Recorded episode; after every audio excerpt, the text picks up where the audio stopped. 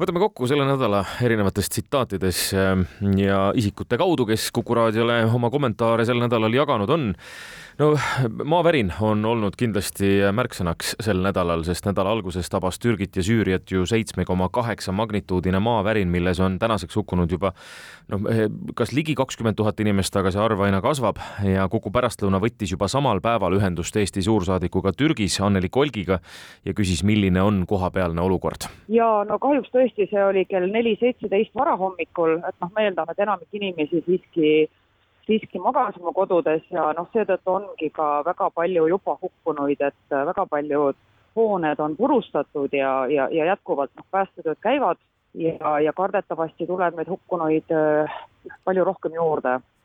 et äh, lisaks on veel päästetööd seetõttu raskendatud, et neis Gaziantepis ja noh, seal piirkonnas on lumetuisud, nii et ka päästetöötajatel on väga raske oma tööd seal teha, lisaks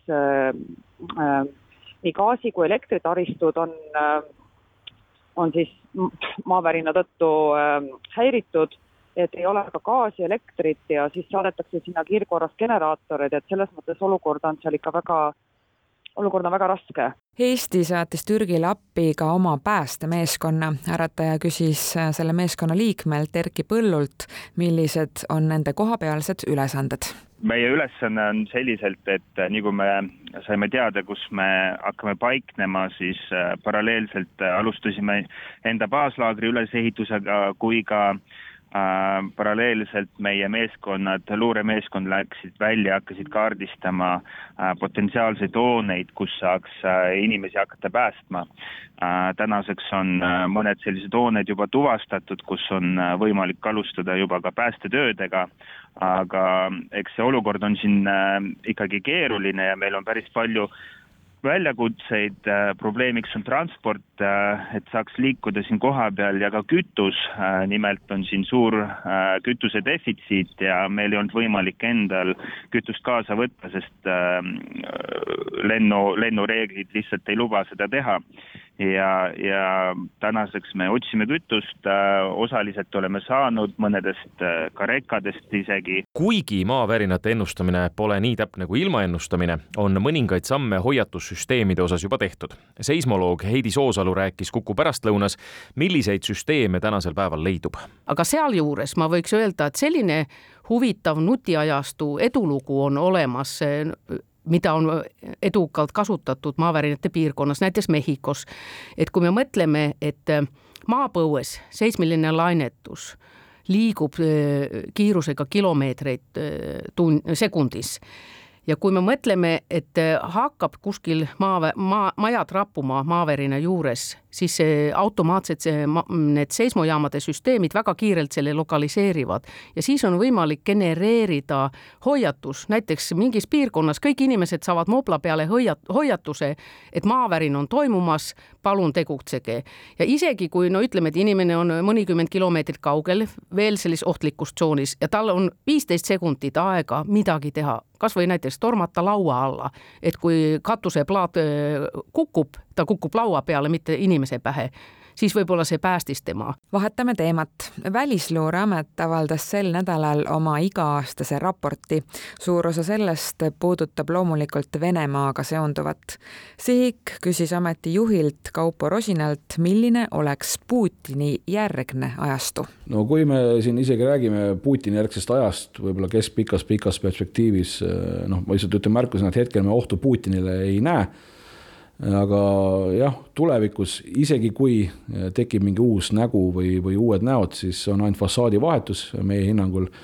ei teki demokraatiat või mingisugust äh, sellist läänemeelset äh, režiimi sinna, inimesed, kes on võimu juures, nemad on oma varanduse korruptiivsel moel kokku kahmanud, neil on huvi, et kõik see elu läheks suures plaanis edasi nii, nagu, nagu on läinud ja nemad oma hüved säilitaksid, et seal ei ole küll näha, et kuskil demokraatlikku liikumist tekiks või vähem, siis seda vähem siis, et nad suudaks kuskil võimu võtta või, või, või oleks niisugune vabad valimised ja, ja muu säärane. Ukraina president Volodõmõr Zelenskõi tegi visiidi Brüsselisse, kus algas sel nädalal Euroopa Ülemkogu. Euroopa Liidu suursaadik Ukrainas Mati Maasikas rääkis Kuku pärastlõunale ka visiidi emotsionaalsemast poolest. sulle tuleb ähm, riigipea, kolleeg, kelle, kelle riik on ilma vähimagi põhjuse õigustuseta oma naaberriigi rünnaku all. Naaberriigi, kes on juhuslikult ka tuumariik, tuleb, räägib sulle olukorrast ja palub abi. see on, harva on meie ajal nii emotsionaalseid momente ka kuulajate jaoks nädala algusest pole enam lubatud Venemaalt tuua naftatooteid.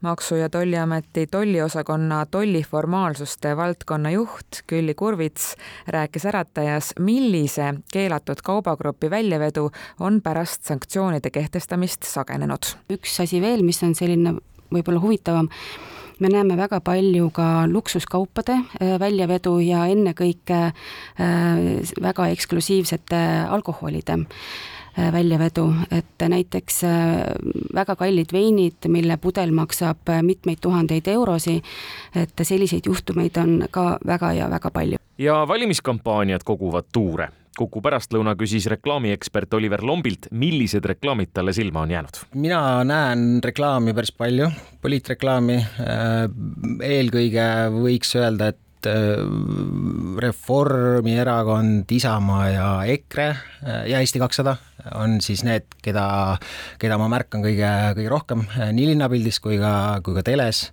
Nad on väga erinevad, Isamaa reform on võib-olla mingis mõttes nagu samasse auku, et sellised äh, lihtsalt kvaliteetselt toodetud, kindla selge sõnumiga ja kogu lugu. Eesti kakssada noh, teeb natukene sellist nagu topeltkommunikatsiooni, et nad tegid sellise ulmelise äh, Star trackiliku reklaami ja samas neil paralleelselt jookseb ka täiesti tavaline klassikaline aegluubis inimesed liikumas ja midagi, midagi lubamas.